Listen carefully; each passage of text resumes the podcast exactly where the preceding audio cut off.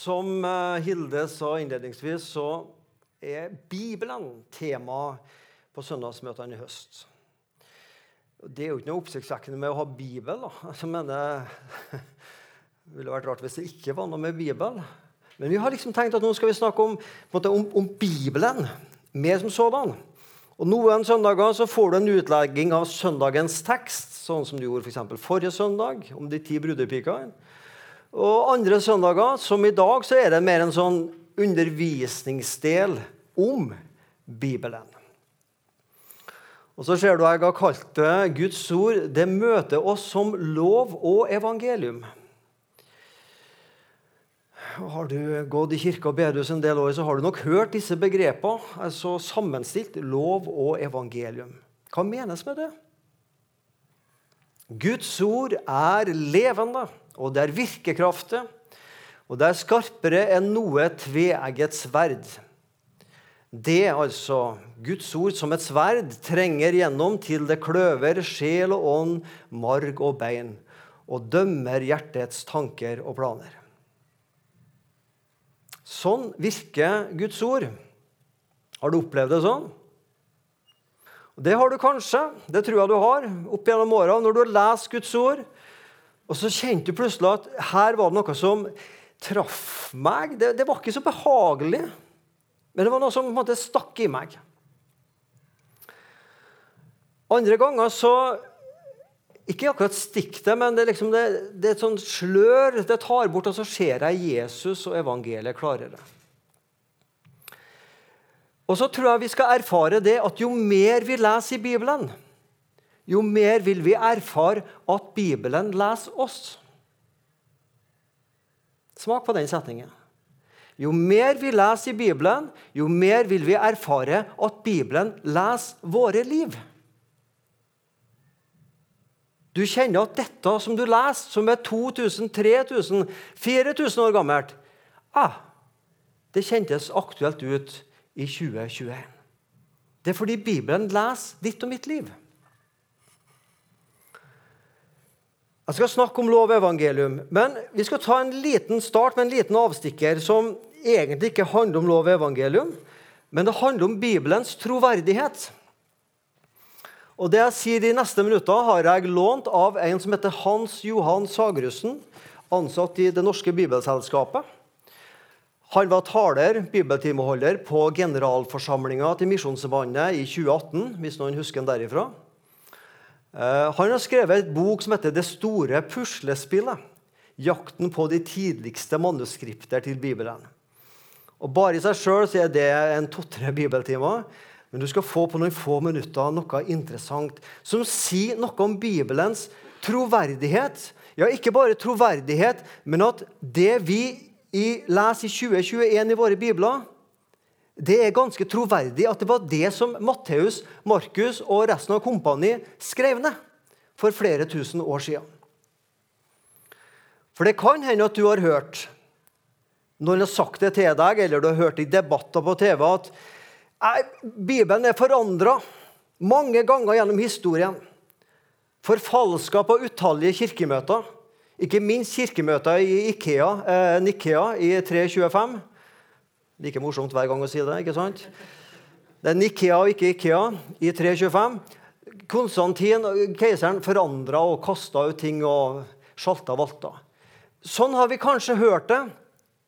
Og folk sier hvordan kan man tro på ei bok som er forfalska så mye? Nei, den er ikke det. Her vil dere se eh, Johannes evangeliet kapittel 1 i Bibelselskapet sin siste oversettelse. Altså den da til venstre, som dere skjønner, mens den da til høyre er den er atskillig eldre. Det ser dere. Det ser vi. At det er et annet språk, kanskje, og at den virker atskillig eldre ut enn 2011-utgaven. Bibelen, de avskriftene vi har Vi har jo ikke original-Matteusevangeliet. Det er jo avskrifter. Men de avskriftene vi har Bibel, til Bibelen, hvor troverdig er de? Hvor sikre er vi på at det som står der, var det som Matteus skrev ned?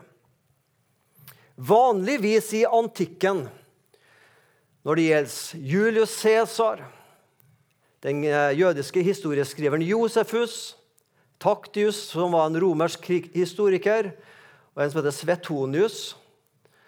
Han var en romersk historiker også. Så vil dere se på det jeg har på tavla her, at det er ikke veldig mange manuskripter man har fra dem. Det er én ting. Det er få manuskripter. Og de eldste manuskriptene vi har av dem, de er altså 800-900 år etter de levde. Så det vil si at det vi i dag har fra keiser Augustus, eller Cæsar, det er ni manuskripter som altså er fra 900 år og eldre enn det, eller nyere enn det. da. Men vi tror jo likevel på det som står der om keiser eh, Cæsar. Ikke sant? Det er jo ingen som stiller så mye spørsmål med det. Men når det kommer til Bibelen og Nytestamentet, nei, da er alt usikkert. Det nye testamentet er skrevet mellom år 50 og år 100. Paulus sine brev var det første, Johannes evangelium var det siste. Og Vi har altså 5824 manuskripter som er i alder 30 250 år etter det beskrevne. Og Den enkle konklusjonen til en objektiv historiker er hvis ikke dette er troverdig, så er ingenting annet i antikken troverdig. Norske historikerskrivere som skriver altså om, eh, om kongene på 1000-tallet og alt det her. Få skrifter, mange hundre års avstand. Nytestamentet.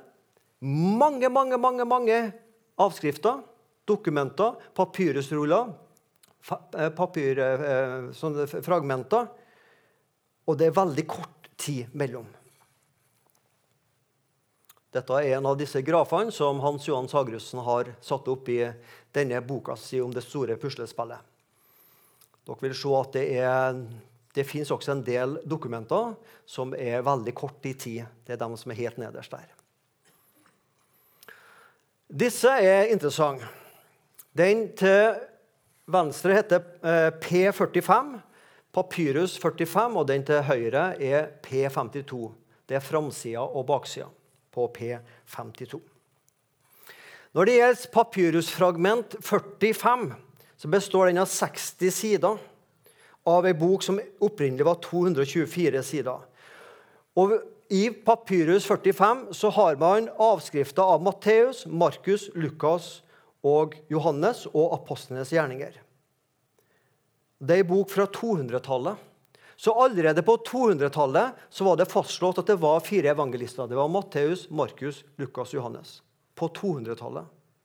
Og så kommer keiser eh, Konstantin i kirkemøtet i Nikea 325.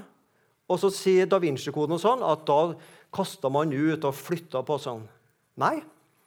Allerede 100 år før så var det kanonisert. Det er fire evangelier. P52 er det eldste fragmentet vi har fra Nytestamentet. Det er fra Johannesevangeliet, og det er fra år, ca. år 125 etter Kristus. Ca. 125 etter Kristus. Og når var det Johannesevangeliet ble skrevet? Ca. år 95 til 100 etter Kristus. Så dette fragmentet er altså ca. 30 år etter det originalen ble skrevet. Og når man sammenligner jo, med de avskriftene man har mange hundre år senere, det stemmer. Det er få avvik. Jeg tar med dette bare som en innledning fordi vi skal bære med oss den tanken. Det vi i dag leser i Guds ord, det er ganske ganske sannsynlig at det var akkurat det som ble skrevet originalt. Noen, kanskje noen bokstaver har blitt feil fordi man hoppa mellom linjene. og avskriveren var trøtt og hoppa litt sånn og sånn. Det kan skje. Men det aller, aller meste kan vi være trygge på. Det er det som Gud ville at Matteus og kompani skulle skrive til oss. Så det var en sånn liten forrett du fikk med som en bonus i dag. Guds ord, det møter oss som lov og evangelium. Gud har to gjerninger han gjør ved sitt ord. Han gjør én gjerning med loven, og han gjør én gjerning med evangeliet. Og Disse to gjerningene er helt forskjellige gjerninger. Og Det er akkurat det jeg opplever når jeg leser i Bibelen og leser noen bud og formaninger, og så kjenner jeg meg dømt. Så er det én gjerning Gud gjør. Men så leser jeg om Jesus og hans korsdød og evangeliet, og så kjenner jeg meg frikjent. Se, det er andre gjerningen Gud gjør ved sitt ord. Vi skal starte med loven. Og la meg si det at innledningsvis Det er ikke sånn at jeg kan bla opp i Bibelen, og så Der og der har jeg loven, og der og der har jeg evangeliet. Jo, jo, noe er klart. For så høyt elsket Gud verden at han gav. Det er åpenbart ikke lov. Det er evangelium. Men poenget er at Guds ord møter oss som lov og evangelium. Det vil si at noe av det jeg leser, slår ned i meg og dømmer synda mi. Da virker det som lov. Og så leser jeg noe annet, og så virker det som et evangelium. Da jeg var ny som en bekjennende kristen, 14 år gammel, så fikk jeg et, eh, en bibel. Og så hadde jeg lært, jeg så på kameratene mine som var født og oppvokst i sånne gode misjonshjemmer. De streka under i biblene sine. Så tenkte jeg det er kristelig. vet du. Streke under litt.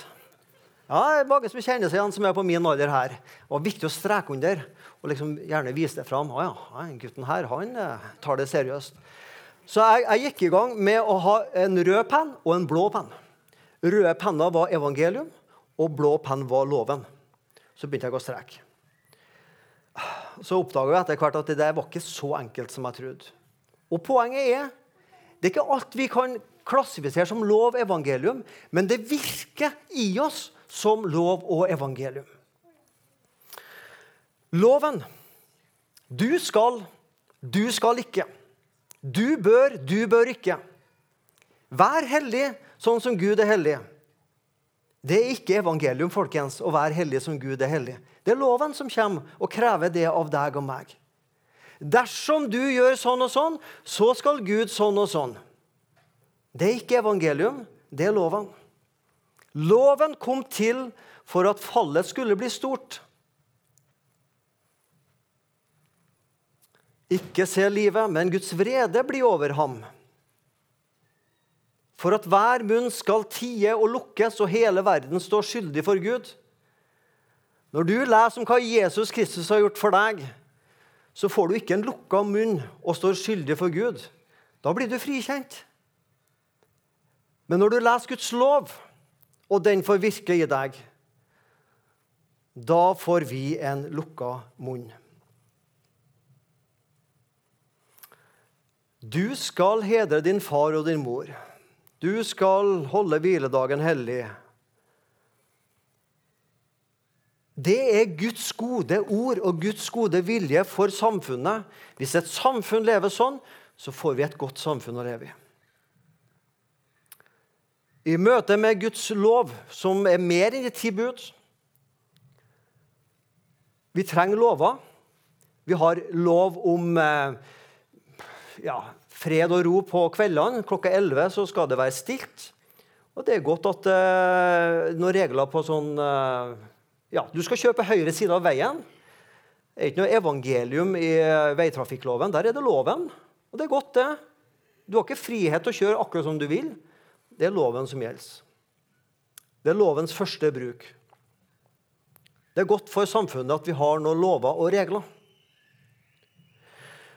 Det som er interessant for oss, det er det som teologene kaller lovens andre bruk. Og det er når Guds ord kommer til meg og avslører meg som en synder.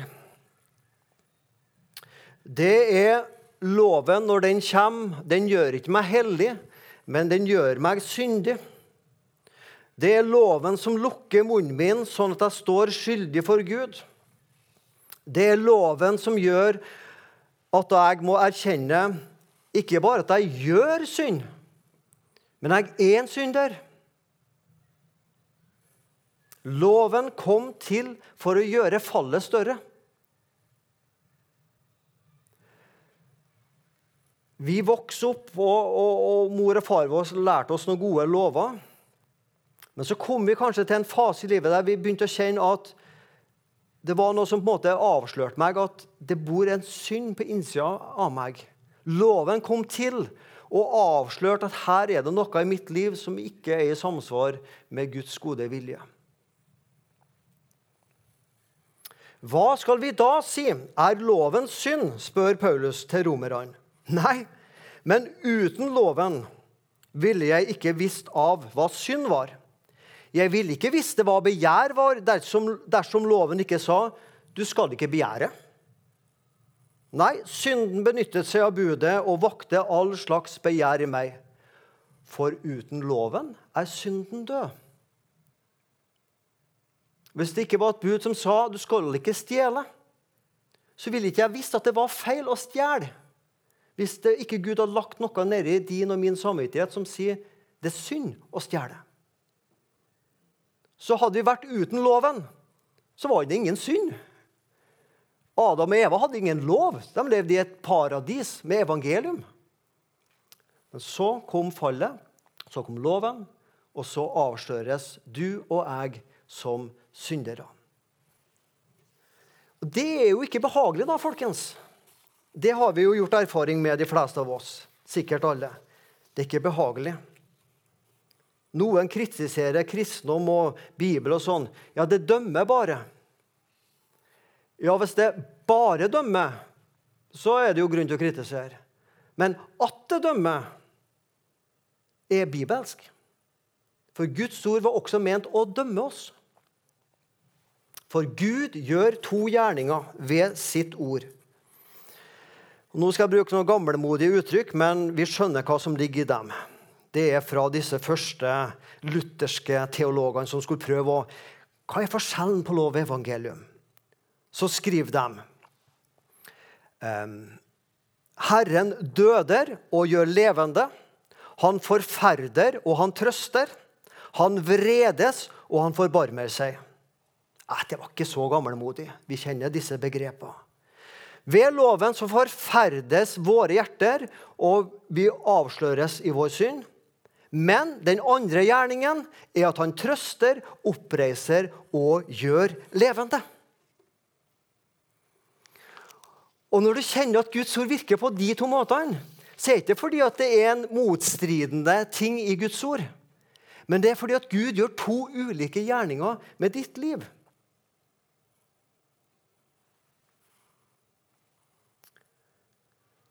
Loven i seg sjøl er hellig og god. Men Guds hellige vilje altså den er god, og han vil oss godt. Men vi er onde og misbruker og forvrenger hans lov. Og lovens ord blir derfor, fordi vi er syndere, den blir en åpenbaring av Guds frede. Den forteller oss sånn er det Gud er vred over synda vi gjør. Og når jeg møter loven, så får du og jeg det som man gjerne kaller en sønderknust samvittighet. Og jeg tror det er allmennmenneskelig. Når jeg blir avslørt og har gjort noe som ikke er bra, så er det jo godt at, det, at jeg får vondt i samvittigheten. Noen kan snakke litt så negativt det her om at vi gir folk dårlig samvittighet.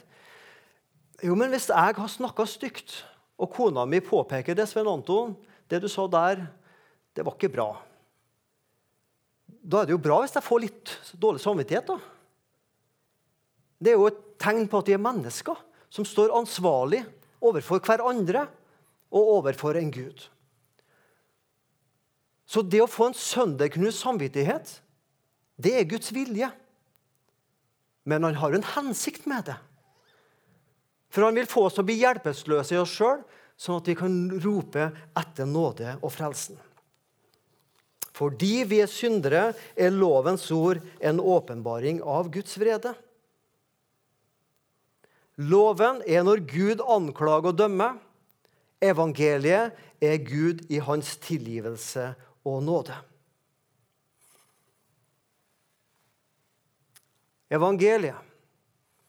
Ja, vi skal høre det på julaften. Se, jeg forkynner dere evangeliet. En stor glede. Evangelium er gresk betyr godt budskap. En stor og god glede.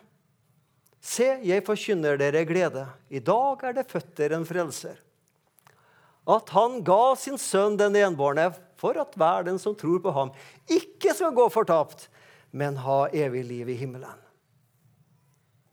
Kristus kjøpte oss fri fra lovens forbannelse ved at han selv ble en forbannelse for oss.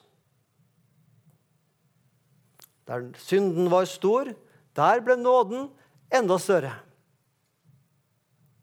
Det skrev Paulus i romerne. Kjære romere, hvis dere kjenner på synd, så skal dere vite at der synden er stor Ja, der er en stor, men nåden er enda større. Og så var det noen luringer da, i menigheten som tenkte ok, hvis jeg vil ha mer nåde, så må jeg bare synde mer, da, så får jeg jo enda mer nåde. Så det er liksom bare å stå på og synde, for jeg er jo fri, liksom, så får jeg bare nåde. Nei, det er det vi kaller å synde på nåden. Det er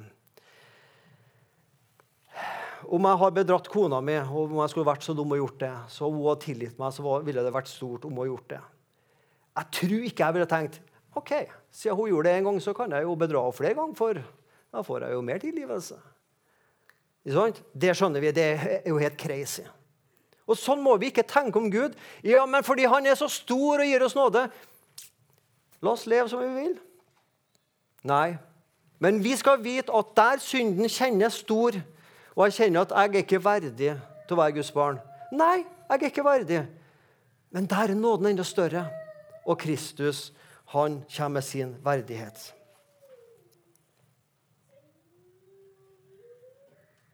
Er loven og evangeliet to forskjellige gjerninger som Gud gjør? Og det er det. Så er frelsen den at evangeliets nåde frelser meg fra, dommen, fra lovens vrede. Evangeliet frelser deg og meg fra lovens vrede. Det er Guds vrede vi må frelses fra. Guds nåde i Kristus frelser meg fra denne vreden. I sin hellighet så vil og kommer Gud til å dømme syndere og støte oss bort for evig. I sin vrede. Men i sin kjærlighet vil Gud elske synderen og ta han inn til samfunn med seg. Lov, evangelium.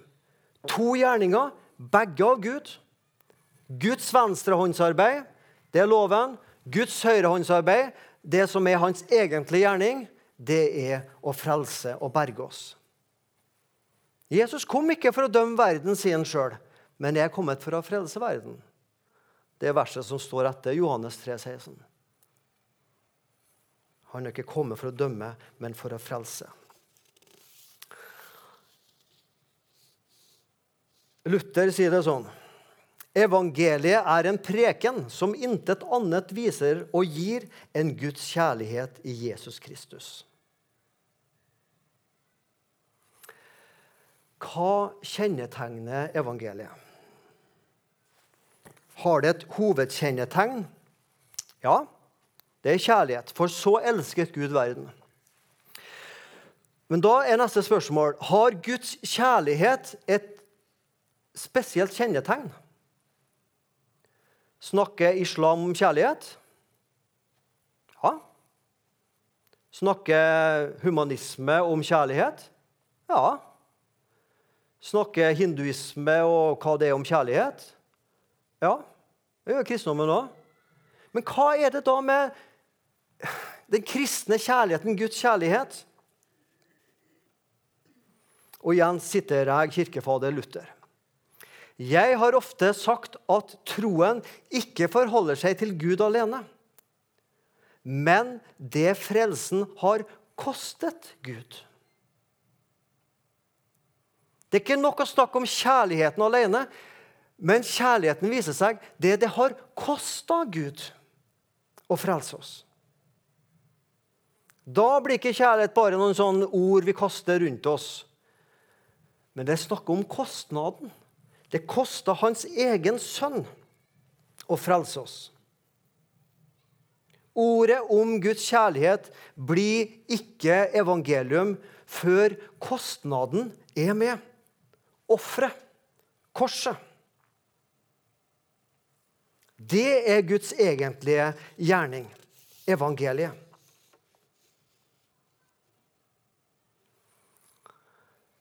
Evangeliet, for det første, at han ga sin sønn. Historien at han sendte Jesus julenatt, at Jesus gikk til korset, at Jesus sto opp igjen. Det er det første. Det andre er at det gjorde han for deg. For meg. For oss. Vil du ha evangeliet i nøtteskall i to ord, så er det disse to ordene for oss. Der kan du godt ta med deg en blyant eller penn neste gang du leser Nytestamentet, spesielt Paulus. Sett en strek rundt eller en ring rundt der det står 'for oss'. Det er evangeliet. At Kristus døde på korset, det er en historisk gjerning. At han sto opp igjen, ja, det tror vi også er en historisk gjerning. Mange tror ikke det, men vi tror det. Men at han gjorde det for oss, for våre synder det er ingen historisk. Det er et trossprang du og jeg må ta. Det er evangeliet. Gud krever av deg, av meg, at vi skal være hellige, at vi skal gjøre, at vi ikke skal gjøre. Det er loven. Men Gud kommer og forteller hva han har gitt for oss. I stedet for oss. Stedfortrederen som kom og tok det jeg skulle egentlig ha båret. Det er evangeliet. Et lite amen på det? Ja? At det er rett før vi sier halleluja, vet du. Bare rett før. Vi må skille mellom lov og evangelium, men de kan aldri skjelnes, for de henger sammen. Loven knuser meg og gjør meg til en synder og gjør synda syndig, sånn at jeg har behov for frelse og roper på nåde i Kristus. Vi kan, men vi må skille dem så ikke vi blander dem sammen. Det finnes ingen gnist av nåde og barmhjertighet i loven. Loven sier ikke 'du skal', men hvis du ikke klarer det, så slapp av, det går bra. Det sier ikke loven. Den sier 'du skal', 'du skal ikke', og hvis ikke, så er vi under Guds frede. Det sier loven. Og det mener loven. Så loven, der finner du ingen nåde og barmhjertighet. Men på den andre sida det finnes ikke et fnugg av anklage, dom og forbehold i evangeliet. Noe av det letteste i kilo og gram vi vet, det er ei fjær. Evangeliet legger ikke ei fjær på deg i hele tatt. Den legger ingenting på deg, evangeliet. Den bare forteller at alt er ferdig. Det er ingen krav og forventninger i evangeliet at du skal og må tro det. Det er fritt. Og fordi det er fritt, så har jeg lyst til å ta imot det og leve på det og en dag dø på det. Nei, evangeliet legger ikke så mye som et dun på oss som vi skal bære. Hvorfor har jeg brukt så en del tid på dette i dag? Fordi at dette er en grunnleggende forståelse av Bibelen. Hva som møter oss når vi leser Bibelen. Bibelen er, en bok på, det er jo 66 bøker i bøkenes bok, Bibelen. 39 i Det gamle testamentet og 27 i det nye. Det er historiebøker, det er poesi, det er reisefortellinger. Eh, det er fortellinger om Jesus sitt liv, det er brev, det er syner og åpenbaringer, det er profetier. Det er lovtavler. Det er jødiske renhetsforskriftelser. Altså det, det, det, er så mange ting, Bibelen. Hva er det som holder dette verket sammen? Jo, det er at Gud ville gi det til oss. Men hvordan skal vi tolke disse forskjellige skriftene når de kommer til oss? For det første les Bibelen i lys av Jesu død oppstandelse. Også når vi leser Gammeltestamentet, les også det i lys av Jesu død oppstandelse. For det peker fram mot Jesu død oppstandelse. Derfor kan vi i dag lese det i lys av Jesu død oppstandelse. Og for det andre les det som lov evangelium. Når du leser noe i Bibelen som du kjenner dette stakk i hjertet, ja, så er det fordi Gud vil gjøre en gjerning med det i ditt og mitt liv. Og han vil gjøre det ved sin lov og ved sitt evangelium. Hvorfor lese i Bibelen? Det enkle svaret er fordi Bibelen forteller oss om veien hjem. Den gir oss gode råd og leveregler til hverdagen. Gode samfunnsnormer. Et, jeg mener et, et samfunn bygd på de ti bud. og på Mange av disse budene i Bibelen ville vært et godt samfunn å leve i. Vi møter formaningene til oss som kristne. Når Paulus skriver sine brev, så starter han gjerne med evangeliet, og så kommer formaningene til oss som kristne. Men det viktigste med Bibelen den forteller oss om veien hjem. Og veien hjem er at vi må ydmyke oss og bekjenne at den veien kan jeg ikke fortjene sjøl. Det fins én vei, og det er å bøye seg for Jesus, ta imot evangeliet og tro på Han. Guds ord møter oss som lov og evangelium. Og så starter jeg med å lese Hebreerne 4,12. Så skal jeg lese det en gang til, og så har jeg redigert det. jeg skal jo ikke redigere Guds ord, men du skjønner poenget. ikke sant? For første gangen jeg leste det, så leste jeg det som lov. Guds ord trenger gjennom til det dømmer oss, hva som bor i oss. Men nå skal vi lese Hebreerne 4,12 som evangelium. Guds ord er levende og virkekraftig og skarpere enn noe tveget sverd. Det trenger igjennom til det for ditt og mitt hjerte avslører frelsen i Jesu soningsdød. Guds ord traff meg. Jeg skjønte at jeg var en synder. Loven tok meg, og det var det Gud ville, for at jeg skulle komme til sannhets erkjennelse om mitt liv og bøye meg for Kristus. Og så traff Guds ord meg på nytt igjen, i hjertet, og avslørte Jesus Kristus som min stedfortreder, som sona i mitt sted. Da har Gud gjort to gjerninger, med loven og med evangeliet. Sånn opererer Gud ved sitt ord. Så kjære kristen, bli ikke mismodig om Guds ord avslører og forferder din samvittighet, for å bruke det begrepet. Det vil Gud gjøre med oss for at vi må erkjenne at jeg kan ikke gjøre min vei til himmelen. Det fins kun én vei. Det er å bøye meg for Jesus Kristus. Ta imot det gode budskapet om at Jesus sendte en frelser for oss. Og Det er derfor dette huset eh, eksisterer i dag for at vi skal takke og prise og elske Jesus og fortelle om han som kom for å dø for mennesker som var under Guds frede, og føre mennesker å være under Guds nåde. Kjære Herre Jesus Kristus. Jeg ber om eh, visdom til å ikke forakte ditt ord når det ikke er behagelig. Jeg ber om visdom til å som det står i Salme 16, å alltid sette Guds, Gud for meg. At jeg alltid har deg Gud foran meg i møte med de forskjellige tingene som jeg kjenner på i hverdagen. Og at jeg tar eh, også din lov seriøs. Men at jeg også tar evangeliet på fullt og helt alvor. At jeg er frikjøpt fordi du, Jesus, tok kostnaden av min synd. La dette evangeliet få lyde i dette huset. La barn og unge få møte din lov, og la barn og unge og oss voksne og alle sammen både møte din lov og evangeliet. Det var en som var villig å dø i vårt sted, for at vi skulle leve ved ham. Ja, til korset han gikk, hvor han kjøpte oss fred, hvor han sonet vår synd. Det er Guds lam. Takk for det, Jesus. Amen.